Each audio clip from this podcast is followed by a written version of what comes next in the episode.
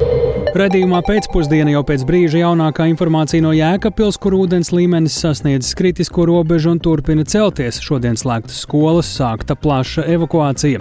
Stāstīsim arī par to, kā okupācijas muzeja ekspozīcijai stūra mājā draudz slēgšana, ēkā atzīta par nedrošu, naudas remontam nav. Ja Būvniecības valsts kontrolas birojas nepagarinās termiņu, tad patiešām 1. martā muzejs būs šeit jāslēdz. Es ļoti ceru, ka tas tā nebūs, un es ļoti ceru, ka tās telpas, kuras mēs lietojam šobrīd, mēs arī varēsim lietot, un apmeklētājiem bīstamība nebūs. Radījumā pēcpusdienā pēc brīža skaidrosim turpmāko muzeju un arī visas ēkas likteni. Būs arī reportāža no Kīivas, kur tikko nonākuši Rīgas ziedotie autobusi. Tas viss pavisam drīz ziņu raidījumā pēcpusdienā kopā ar mani Tāli Eipuru.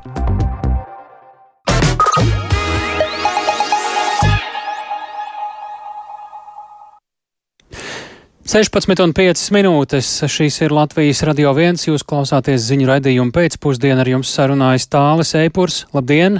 Turpināsim ziņot gan par situāciju Jēkabpilī, gan par citām šīs dienas, skaidrot citas šīs dienas aktualitātes. Tātad Daugavā pie Jēkabpils, kā ziņo uh, pašvaldības telegram kanāls, ir ekstremāli augsts ūdens līmenis, hidroloģisko apstākļu uzlabošanās turklāt nav gaidāma.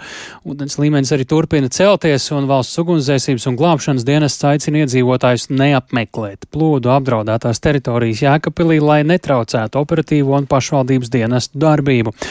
Pašvaldība arī, protams, ir izplatījusi aicinājumu, kā dzirdējām iedzīvotājiem evakuēties no Pļāviņu ielas pie mūzikas skolas, no Zvanītā ielas, Celtnieku ielas un šo ielu mikrorajoniem. Valsts policija arī šobrīd apzina iedzīvotājus un aktīvi mudina viņus evakuēties. Pie mūsu klausulas ir arī pašvaldības civilās aizsardzības inženieris plūdu situācijas koordinators novadā Tālis Zalva. Labdien! Labdien! Šobrīd aktuālākā situācija, cik uh, no Rīgas ir saprotams, pieejamās informācijas ir uh, bojājumi Dambī, vai esat viensprāts, ka tas ir sarežģītākais šobrīd risināmais jautājums? Jā, tiešām tā ir, ka ir uh, apdraudējums, ka Dambi var pāraut, jo ūdens līmenis augstais ir izstūvējis gan dambi no iekšpuses, un tagad pašlaik notiek dambi stiprināšanas darbi. Kas, ko tas nozīmē? Kas, Kas tas ir stiprināšanas darbi? Tie ir maisi, tas tie nozīmē, ir. Ka tādās vietās, kur ir šī bīstamība, ka dāmas varētu būt pārāds, tiek, tiek bērta uh, smilts, grāns un, un, un uzbē, uzbērums lielu, nu, mēģināt nostiprināt šo te šaubīgo vietu. Cik būtisks ir šis bojājums un cik tuvu uh, riskam, ka tas tiek pārauts situācija bija un šobrīd ir? Situācija ir ļoti tuvu tam riskam, ka tiešām damas var tikt pārauts, tāpēc ir visas pilsētas šis rajons, kur jau minēja, ziņās ir norobežots, un reāli notiek evakuācija no šī rajona cilvēku, jo, ja tad dambi pārvās, tad šis viss rajons būs nu, ļoti, ļoti, ļoti īsā laikā zem ūdens. Tie, kur nav jēkapilieši, ko nozīmē viss rajons, cik plaša teritorija tā varētu būt? Tā tad, nu, ja nav jēkapilieši, man grūti būs pateikt, bet mums. Sauciet vārdos, tad tās vietas, jā. Pļaviņu iela, Klostera iela, Brīvības iela un Celtnieku iela. Mikrorajons, nu, ļoti liela, liela, liela, liela platība. Tātad vēl pirms dažām stundām mēs saņēmām ziņas par vienu situāciju. Ūdens līmenis kopš tā laika ir visticamāk cēlies. Šobrīd Kā jūs teiktu, kā rīta evakuācija, cik cilvēki ir atsaucīgi, jo tas ir nākamais kritiskais stāsts aiz dāmbja stāvokļa? Tātad man būs grūti precīzi informāciju pateikt, jo pēc būtības citā vietā un cits darbs ir, bet pēc būtības ir tā, ka cilvēki ir atsaucīgi uz norādītiem pašvaldības darbinieku telefoniem zvana, interesējas, kā to labāk darīt un arī kur, kur, kur, kur, kur, kur var uh, izvietoties uz šo te periodu bīstamības. Un, uh, bet ir, protams, cilvēki, kuri atsakās no evakuācijas, kuriem, teiksim, ir uh, vairāk stāvu mājas, privātu mājas, jo šis arī ir ļoti, ļoti daudz privātu māju šī rajonā ir. Bet nu, viņi tiek brīdināti par sekām un arī par to, kas ir jāievēro, ja viņi paliek Ja ir augsts ūdens līmenis, mēs spējam iztēloties, ko tas nozīmē. Mēs spējam, bet vai, mēs spējam iztēloties, kas var notikt, ja dāmas pārauj tajā brīdī tās trauma var būt pat uh, iespējams, es pieļauju, pietiekami spēcīga. Kādu risku tas var radīt tieši pats aplūšanas brīdis? Tas tādā ziņā, es domāju, varbūt, lai motivētu cilvēkus saprast, un tie, kur neevakuējas, varbūt pārdomā un tomēr to izdara. Nu, ir tā. Tās traumas var būt ļoti spēcīgas. Pirms stundas bija virs normālā uh, 8 metri 52 centimetri. Kopš uh, 112 gadu laikā esot veikti mērījumi. Viens no augstākajiem līmeņiem. Mēs jūs ļoti slikti sākam dzirdēt, kaut kur mikrofons ir laikam ciet šobrīd telefonam. Sakas tilta, kur arī ir pakustējies līdz kaut kāda ūdens teca parādījusies kaut kāda cerība. Jā. Nē, nu iedomājieties, ja jums uh, 3-4 metru vilnis iet pāri, kas var notikt? Ja Sapratām. dambis tiks pārrauts, tātad tas būs 3-4 metru vilnis iet. Tsunami. Šobrīd jūs teicāt, ka parādās neliela cerība vienā no vietām, kur jūs atrodaties. Ko tas nozīmē? Nu, tas nozīmē, ka ūdens ir atradis uh, noplūdi uz sakas upi, bet pagaidām nevar saprast, uz kurien viņš aizplūst. Ja viņš neplūst vispār gultni, tad tālāk aizplūst tās uh, teritorijas, kas varētu pilsētu apdraudēt, atradis sev jaunu gultni. Un mēs pašlaik kopā ar valsts glābšanas dienestu ar dronu palīdzību mēģinām izpētīt uh, to plūsmu, kur viņš paliek, kurā vietā ieplūst augavā, vai ir vēl kādas vietas apdraudētas tālāk pēc šīs te plūsmas. Tur apdzīvotas vietas ir tiešā apdraudējumā Jā, jā, potenciālajā. Jā, Kuras? Tieši tā. Uh, varētu būt tie paši e, gravāni, kuri pirms trim dienām e, aplūda naktī. Un arī tās uh, mājas, kas bija tajā pašā sakas salā, kur ir pašlaik atgriezta no ārpasaules, kurās bija palikuši cilvēki. Nu, tām arī jauni aplūšanas draudi var būt, jo ūdens ir atrads e, pilnīgi jaunu gultni. Tik tālu sakām paldies eh, Tālim Zalvam. Civilās aizsardzības inženierim, plūdu situācijas koordinatoram Jākapils novadā.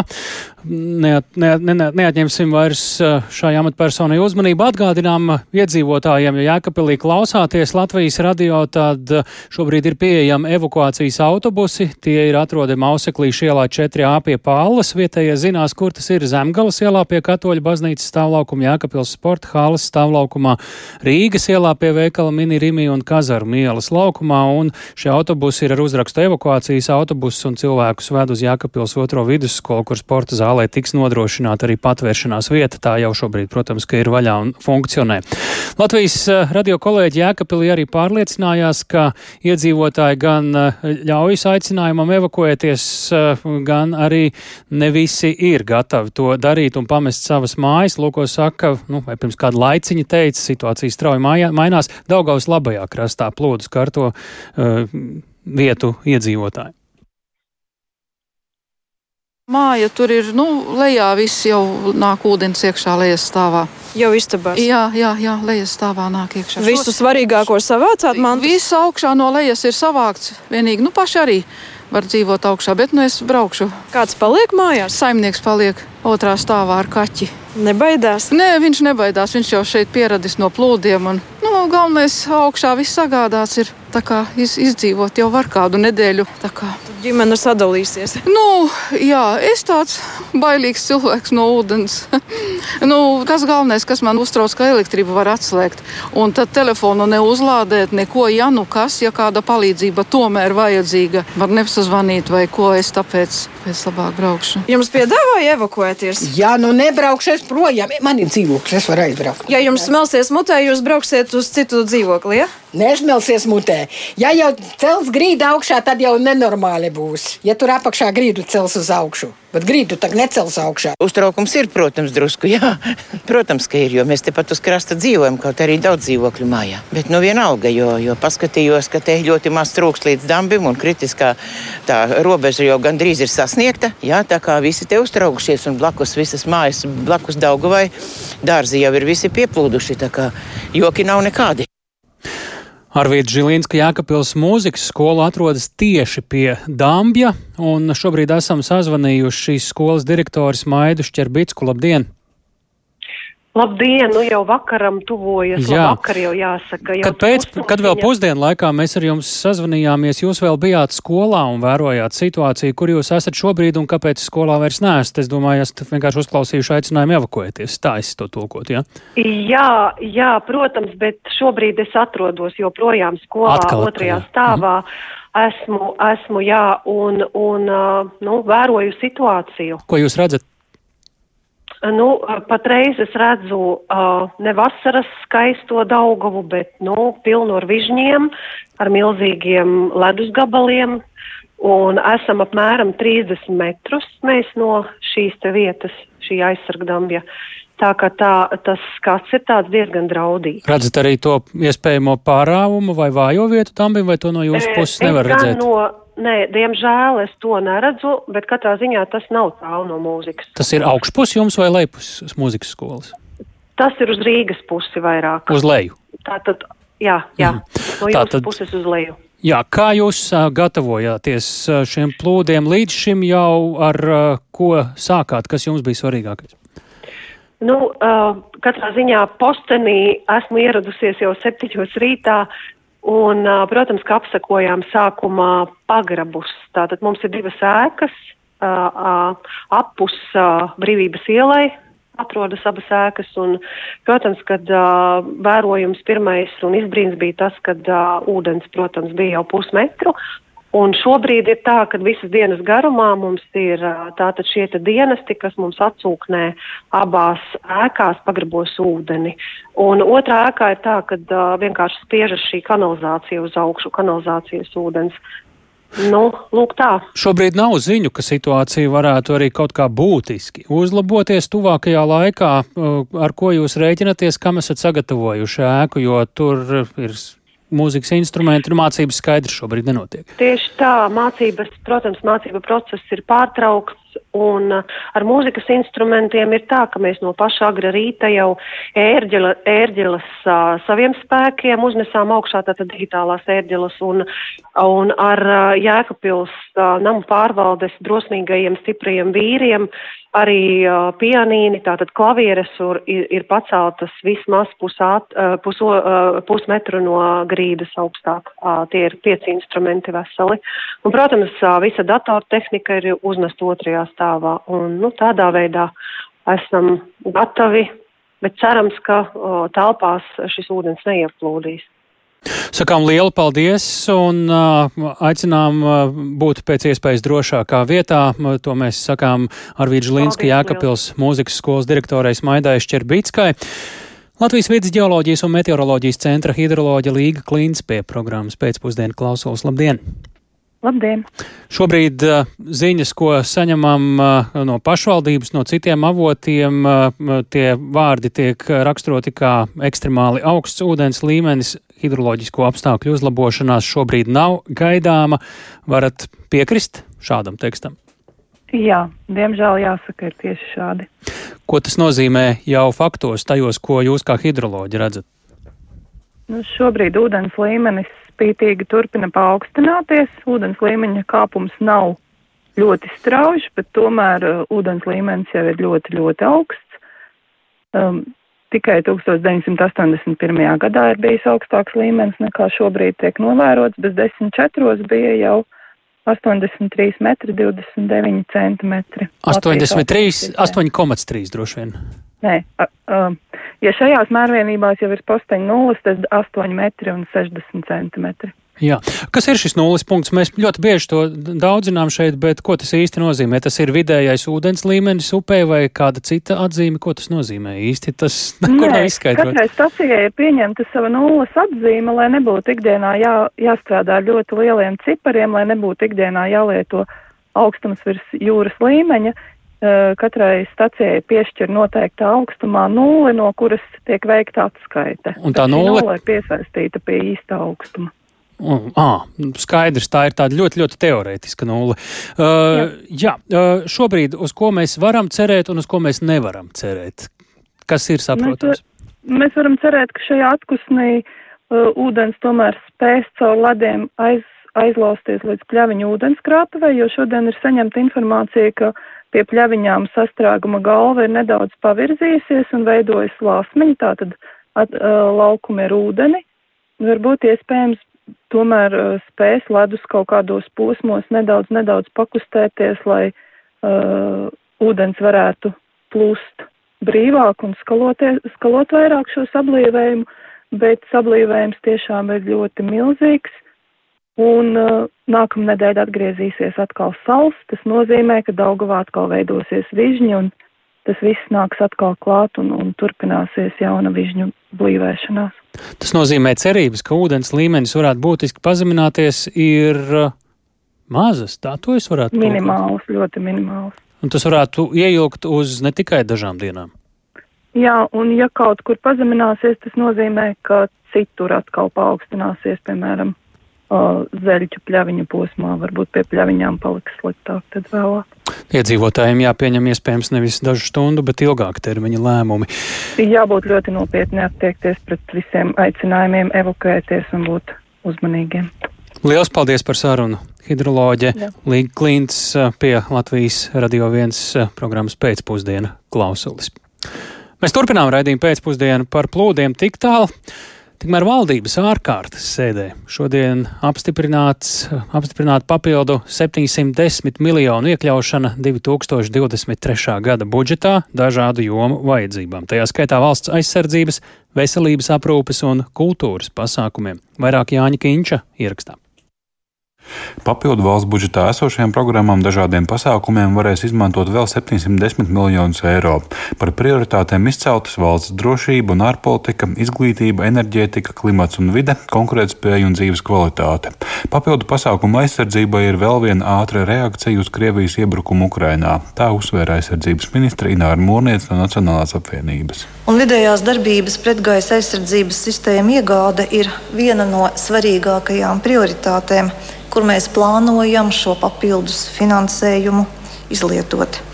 Vēl viena prioritāte ir pretkuģu raķešu sistēmas iegāde, un tas dos mums iespēju nodrošināt krasta aizsardzības sistēmu Baltijas jūrā. Veselības sadaļā domāts par papildu finansējumu algām un konkrētām nozarēm. Vajadzība būtu daudz vairāk, taču galvenās prioritātes būs labāk nosaktas, mūsu veselības ministre Līga Mendelsone. No valsts prioritātēm šobrīd uh, mums numur viens ir onkoloģija, kur, protams, ir svarīgi uh, gan pēc iespējas agrīna diagnostika, pēc iespējas jaunākās inovatīvās zāles, gan speciālās pārtiks nodrošināšana, gan jaunu medikamentu iekļaušana šajā sarakstā.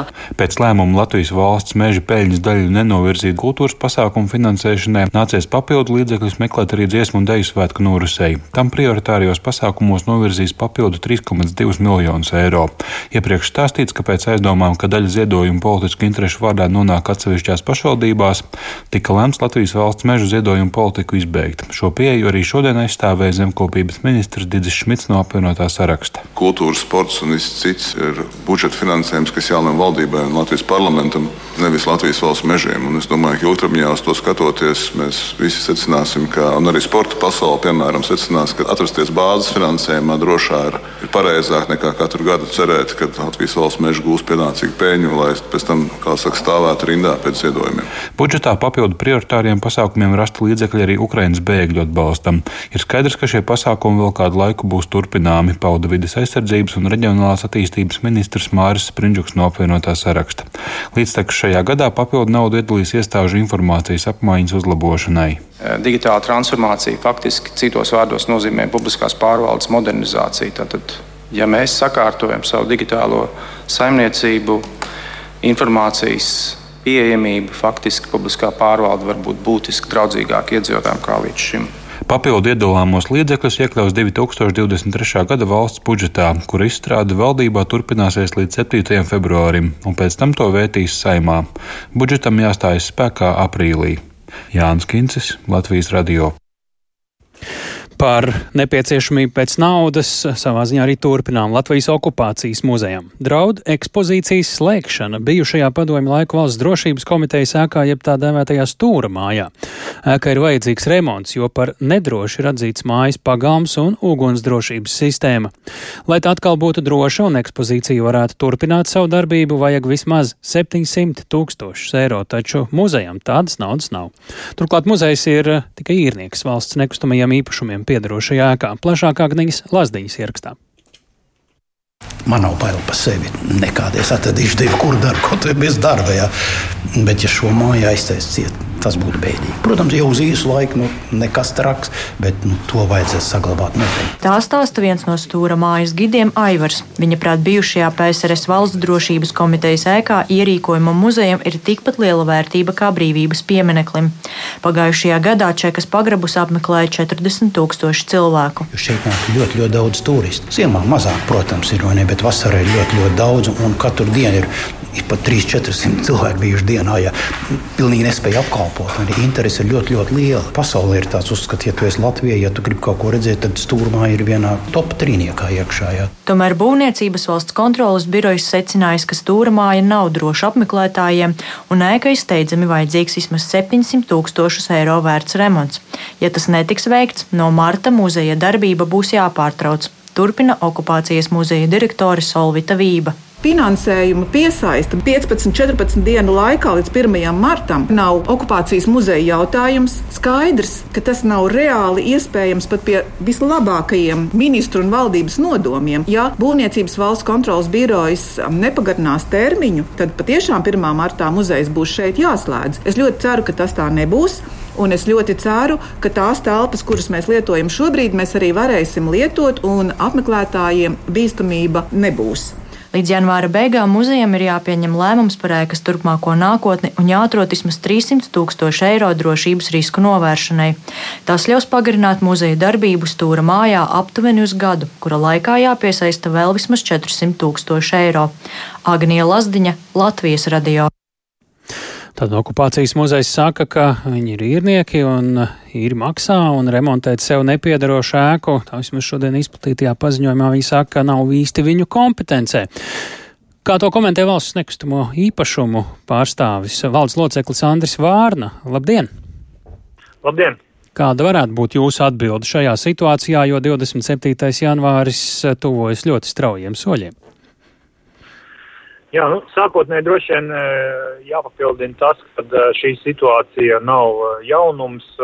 Mēs esam par to jau vērsuši uzmanību tam kopš 21. gada, kad bija pirmais BVKB atzinums konkrēti par šīm lietām un vienkārši pie kārtējā šī izvērtējuma BVKB ir nācis atziņa, kad vai nu ēka ir jāpārtrauc eksploatēt līdz bīstamības novēršanai, vai arī tad mums ir jārod līdzekļi lai varētu šo ēku sakārtot.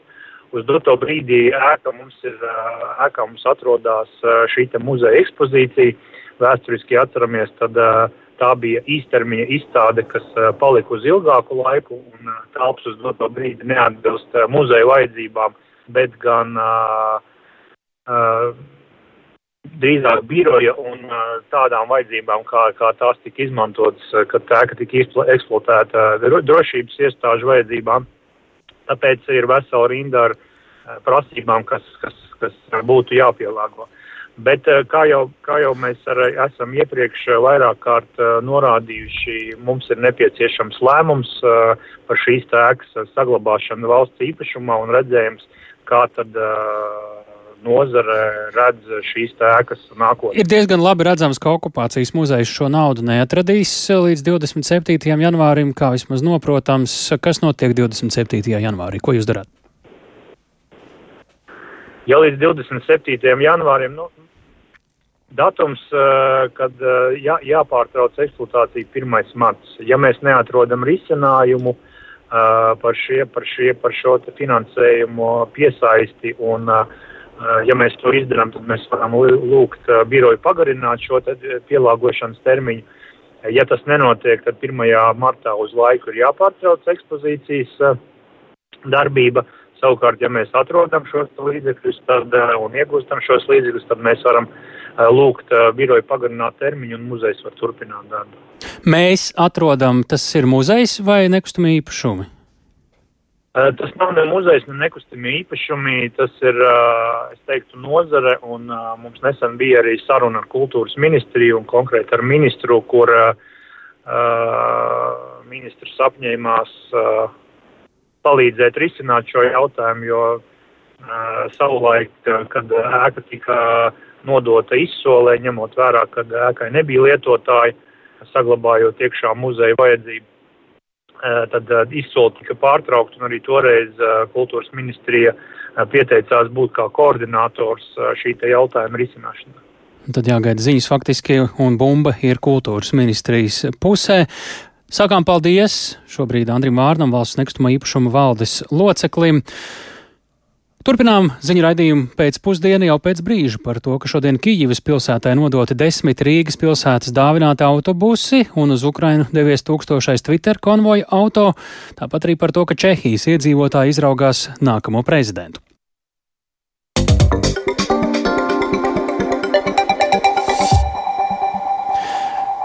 Turpinoties sīvām cīņām Ukrainas austrumos, Krievija šodien paziņojusi, ka ir ieņēmusi Donetskas apgabalā esošo Soledars pilsētu. Ukraina steigusi noraidīt šādu informāciju, uzsverot, ka pilsētā, kas pēdējo divu nedēļu laikā kļuvusi par intensīvu Krievijas uzbrukumu mērķi, kaujas joprojām turpinās. Plašāk par situāciju Ukrainā stāsta Rihards Plūme.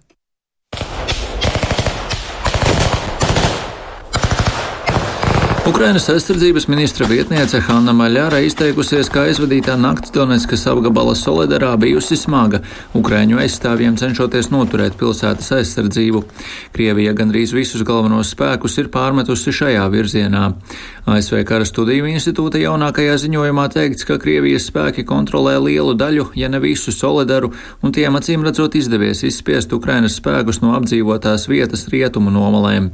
Turpinoties kaujām Soledarā, grūti pat pateikt, vai un kādas pilsētas daļas patiesi ir nonākušas Krievijas armijas kontrolē. Krievijas aizsardzības ministrija šodien steidza apgalvot, ka esot ieņēmusi Solidaru. Krievijas propagandas medijiem rakstot, ka armija naktī esot pabeigusi pilsētas atbrīvošanas operāciju. Tomēr pāris stundas vēlāk Ukrainas armijas pavēlniecības austrumi pārstāvis Serhijas Čeravatīs paziņoja, ka Krievijas apgalvojumi neatbilst realitātei. Viņa teikto citē portāls RBC Ukraina. Viņš apliecinājis, ka pilsētā cīņas joprojām turpinās, tomēr drošības apsvērumu dēļ viņš atteicās sniegt sīkāku informāciju par situāciju šajā frontes sektorā. Ukrāņu politologs armijas virsnieks Taras Berezovečs šorīt atzina, ka situācija Solidarā mainās bieži, taču ienaidnieks pilsētu nekontrolē. Situācija в Солидаре действительно меняется ежечасно. Городские бои продолжаются. Situācija Solidārā mainās ik stundu. Kaujas pilsētā turpinās. Ukrainas spēki atrodas pilsētas rietumos. Pilnu kontroli pār pilsētu pretinieks nav iegūs. Ienaidnieka paziņojumi jau iepriekš ir bijuši pretrunīgi. Mēs redzam, ka ienaidniekam pašam nav vienas versijas par notiekošo. Pamatojoties uz gūstekņu sniegto informāciju un citiem datiem, varam pārliecinoši secināt, ka Solidārai tiek uzbrukts ar Wagner elites vienībām un Krievijas desantniekiem. Nekādu mobilizēto tur nav. Никаких российских мобилизованных там нет. Kā norādījis Ukrainas aizsardzības ministrs Oleksijas Resnikovs, Krievu algotņu banda Wagner piekopja kainieku uzbrukuma viļņu taktiku, tādējādi ciešot milzīgus zaudējumus. Resnikovs piebildis, ka Wagner vadonis Evgenijs Prigožins mēģinot pierādīt Krievijas diktatoram Vladimiram Putinam, ka viņa algotņi ir efektīvāki nekā Krievijas regulārā armija un cer saņemt prēmiju par solidaras ieņemšanu. Rihards Plūme, Latvijas radio Radio.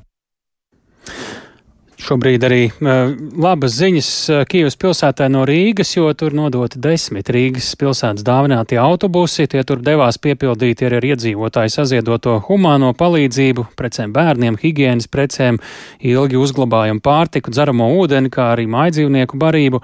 Šīs ir jau otrais autobusu sūtījums, jo pirmie 11 Rīgas ziedotie autobusi uz Ukrainu devās jau pagājušā gada aprīlī. Nodošanā šodien klāt bija arī Latvijas radio korespondenta Kijavā. Indra Sprānce. Jā, nu šī nodošana bija ļoti sirsnīga atmosfērā. Kličko um, sasveicinājās gan ar smiltēm, gan arī citām Latvijas valsts amatpersonām, kuras te ierodas jau otro reizi, jo pavasarī bija atvesti pirmie autobusu šiem, kas bija ļoti, ļoti svarīgi un ļoti noderīgi Ukrainai un tieši um, Ukraiņas galvaspilsētai laikā, kad, kā mēs zinām, um, Kijivu bombardē un šeit nekursē arī tramvaji un, un trolēļbusi, un līdz ar to tos vajadzēja aizstāt ar uh, citu sabiedrisko transportu. Un, un, uh, vienā daļā tas ir tieši ar uh, Latvijas piegādātajiem uh, autobusiem. Un arī uh, šie autobusi, kas ir atvesti, nonāks dažādos maršrutos un, un ir ļoti, ļoti vērtīgi un svarīgi. Kā norādīja Kličko, tad šis atbalsts ir ļoti nozīmīgs. Very, very important Ir ļoti, ļoti svarīga tā sajūta, ka neesam vieni. Tas mums dod pārliecību cīnīties un uzvarēt šajā neprātīgajā Krievijas karā pret Ukrainu. Tā nav speciālā operācija, tas nav karš, tas ir genocīds un terorisms. Viņi vēlas cilvēkus nosaldēt ziemā, likt viņiem dzīvot bez siltuma, elektrības, ūdens un sabiedriskā transporta. Bet tas nenotiek, jo mēs esam kopā, jo mums ir liels partneru atbalsts. Mēs novērtējam jūsu palīdzību un mums to vajag, un tāpēc mēs to nekad neaizmirsīsim. Visi jūsu dotie autobusi jau kalpo mūsu iedzīvotājiem. Daļu autobusu mēs dodam Dņipro pilsētai, jo savstarpējais atbalsts ir miera un brīvības atslēga Ukrainā. Tā Kīivas pilsētas mērs Vitālijs Kličko šodien saņemot no Rīgas desmit autobusus. Šodien no garāžām Mārupē, kamēr viena palīdzība vēl ir Kīivā, otra dosies ceļā. Mārupē Ukrainas armijai automašīnas vāc Twitter konvoja vadītājs Reinis Pozņaks un šodien ceļā dodas jau tūkstošais Latvijā ziedotais auto. Kas tā ir par mašīnu un kādu palīdzības sūtījumu šodien Ukraiņiem nogādāja Latvijas fonds uzņēmēju mieram, klausāmies Ievas puķis sižetā. Tāda ātrā palīdzība priekš karavīriem.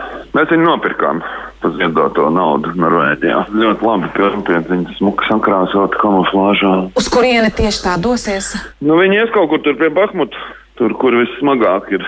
Glāb mūsu varoņus. Šāds uzraksts uzkrāsots ātrās palīdzības busiņam, kas izrādījās tūkstošais Twitter konvojā, ko palīdzībai frontei pavasarī izveidoja manis uzrunātais Rēnis Pozņaks.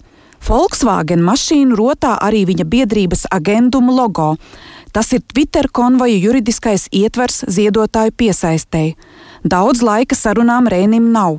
Foto ar ātrā palīdzību viņš šorīt publicēja, protams, Twitterī, bet pievakarē sēdīsies pie stūres ziedoto mašīnu grupā. Tas būs jau 68. Twitter konvoja brauciens uz Ukrainu. Tikmēr arī fonda uzņēmēji mieram sarūpētā smagā mašīna ar palīdzības kravu no sildierīču kompānijas Balta Neko teritorijas ādažos dienas vidū sāka ceļu uz Slovjansku, Ukrainā. Stāsta fonda direktore Laura Skrodele. Kravas mašīnā mēs iekrāmējām vairākus ģeneratorus, milzīgu koģenerācijas staciju, daudzas paletes no dobeles dzirnavnieka, ar uh, makaroniem. Viņi ir maleči, viņi ir uztaisījuši īpašu pārtiks uh, iepakojumu kastu dizainu tieši atbalstoši Ukrainai. Un šajā reizē mums bija pieprasījums arī pēc uh, sadzīves ķīmijas produktiem, pēc higienas precēm, pēc ziepēm, pēc šampūniem un dušu želējām. Vienu no ģeneratoriem šoferis pa ceļam ievedīšot Borispolas slimnīcā, bet pārējās lietas nonāks frontē. Fonds, ko izveidoja jau pirmajās Ukraiņas kara dienās, tagad apvieno 200 regulāri ziedojošus uzņēmējus un piegāžu vērtība ir pārsniegusi 5 miljonus eiro, lēš tā direktore. Prioritāte ir Ukrainas aizsardzības spēju stiprināšana. Tālāk uzņēmēji mieram strādā ciešā sazobē ar aizsardzības ministriju, kas savukārt komunicē ar Ukrainas bruņotajiem spēkiem. Fonds sadarbojas arī ar Rēņa Pozņaka Twitter konvoju, bet tikko saņēmis vērtīgu autoziedojumu no valsts policijas. Ministra kabinets pieņēma lēmumu par 15 transporta līdzekļu atdošanu Ukrainai. Mēs esam noslēguši līgumu ar valsts policiju, sūtīsim arī valsts policijas automašīnas. Šobrīd valsts policija ir parādījusi ceļu, ka arī publiskas institūcijas var nodot automašīnas, un mēs kā fonds varam palīdzēt viņām nonākt Ukrainā. Tur ir arī laiva. Autobusam arī būs ļoti labs mērķis. Viņš arī tiks tur Bahmuts vienai vienībai nosūtīts karavīriem. Palīdzības lūgumi no Ukrainas turpina pienākt. 24. februārī, kad būs pagājis tieši gads kopš kara un Ukraiņu pretestības sākuma, fonds uzņēmēji mieram atjaunotajā Rīgas cirka arēnā rīko labdarības koncertu. Ieva Puķe, Latvijas radio. Kamēr vienā zemē cilvēki cīnās par savu brīvību un demokrātiju, citā notiek vēlēšanas. Šodien un rīt Čehijas iedzīvotāji dosies pie vēlēšanu urnām, lai izraudzītos nākamo valsts prezidentu tādu, kurš amatā nomainīs līdzšinējo prezidentu Milošu Zemanu.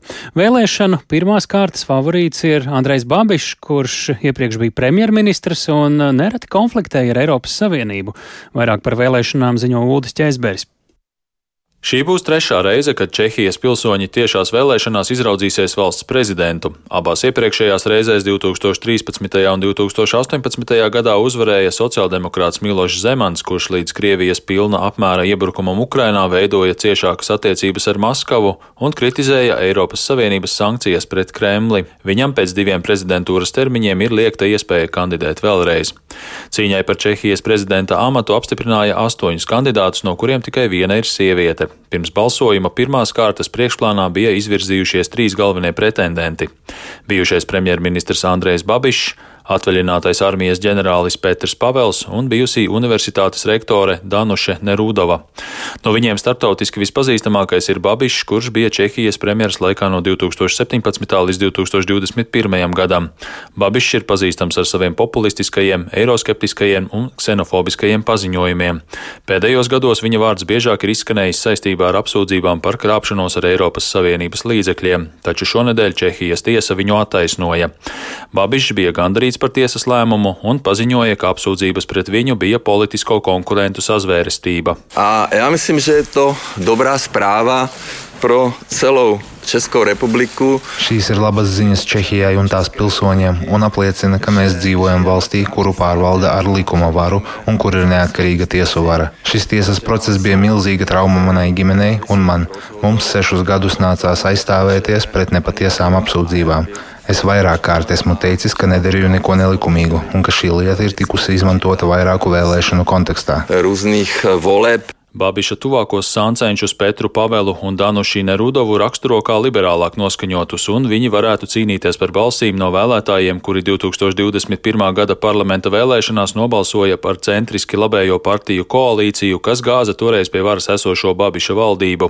Pēdējās vēlētāju aptaujas rāda, ka pirmajā kārtā neviens no kandidātiem neiegūs vismaz 50% balsu, tāpēc būs jārīko vēlēšanu otrā kārta. Pašlaik izskatās, ka balsojuma otrajā kārtā sacensties Babišs un Pāvels Uldis Česberis, Latvijas radio. Šobrīd esam sazinājušies ar Čehijā, Prāgā dzīvojošo Jānu Rūžičkovu Orlovu. Labdien! Labdien! Kāds ir jūsu iespējas par prezidentu vēlēšanām Čehijā? Kas ir tas spilgtākais, ko kas ir redzams eh, mēdījos, par ko runā cilvēki, sociālie tīkli, vai nu tās ir par kādas vērtības, par kurām notiek cīņa, vai arī par ko ir tā skaļākā retorika, ko jūs pamanāt? Cīņa īstenībā ir ļoti aktīva un interesanta. Prezidenta vēlēšanas ir populāra lieta Čehijā, un kā par to runā daudz. Uh, reklāmu ir daudz, uh, uzrunu ir daudz. Uh, šobrīd, nu, tā kā prezidenta loma Čehijā ir diezgan dekoratīva, līdzīgi tā kā Latvijā, um, tad, um, tad uh, tās sarunas ir tiešām vairāk uz vērtībām balstīts, vairāk par to, kurš kādam nu ir kāds skandāls, ko katrs kandidāts par viens par otru domā. Nu, jā, un, uh, mm -hmm. Kur ir tie redzamākie vai skaļākie šeit tie trīs kandidāti, ko Uldis eh, Česbergs pirms brītiņa pieminēja, Pēters Pāvels, eh, Danošs Nerudovu un arī Andrejs Babišs, eh, kurš ir visaktīvākais kampaņotājs? Es teiktu, ka viņi visi trīs ir ārkārtīgi aktīvi. Vairāk savā vidē es redzu ģenerālu Pāvelu, tāpēc, ka es esmu Prāgā dzīvojoši nu, jauns cilvēks, līdz ar to es trāpos tajā kategorijā, ko viņi vairāk targetē. Uh, Babišs ir aktīvāks savukārt reģionos, tur ir ļoti daudz afišu, un viņš pats braukā tur arī uz vietas cilvēkiem sarunājas, ka viņi visi ir ļoti aktīvi.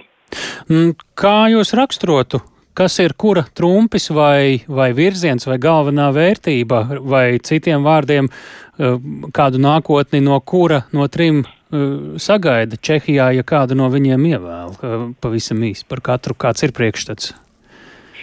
Man priekšstats par Babišu izveidojies kā par uh, klasisku populistisku politiķi, kāds viņš arī sevi ir pozicionējis visus šos gadus. Uh, principā turpinot to pašu, ko Zemans pirms tam uh, uh, to uh, savu pieeja. Tā kā tāds uh, vairāk trumpista tipa politiķis, ģenerāls Pauls savukārt daudz uzsvaru liek uz savu NATO pieredzi, kas šobrīd liekas ir liels trumps priekš viņa vērtībā ar vienkārši situāciju Ukrainē.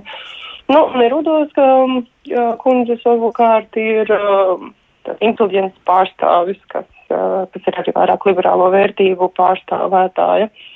Jā, un uh, vēl noslēgumā uh, šobrīd ir, uh, kā mēs noprotam, tad uh, neviens pirmajā kārtā vajadzīgos 50% no viņiem neiegūs. Kā tiek lēsts, ja uh, kā izskatās Babišs varētu būt viens no tiem, kas tiek otrajā kārtā, kas varētu notikt otrajā kārtā, pavisam īsi, ko prognozē rēķinātāji? Uh, grūti teikt, mm, tāpēc, ka Babišs par spīti visam tomēr ir ļoti populārs politiķis Sevišķi reģionos, tā kā tā cīņa būs, būs sīva, ir grūti prognozēt. Arī iepriekšējā reizē, kad Zemans kandidēja, tad bija doma, ka viņš varētu arī netikt otrajā kārtā, arī tādēļ, ka viņa veselības situācija bija ļoti slikta, bet nu, tomēr viņš uzvarēja. Tā kā šobrīd to prognozēt ir diezgan grūti teikt, ja tā pašā laikā Babičs netika mm. parlamentā, līdz ar to es domāju, ka ģenerālam visticamāk ir, ir ļoti labas izredzes, tomēr to prezidentūru dabūt. Paldies par sarunu jums ļoti vērtīgi. Čehijā Prāgā dzīvojošā Jana Rūžičkova Orlau pie raidījuma pēcpusdienu klausulis. Jā, šis tiešām bija raidījums eh, pēcpusdiena. To veidoja Tāls Eipūrs, Ilza Agīnta, Renārs Šteimans, Mārtiņš Paiglis. Ziņu raidījums pēcpusdiena pie jums arī rīt. Yeah.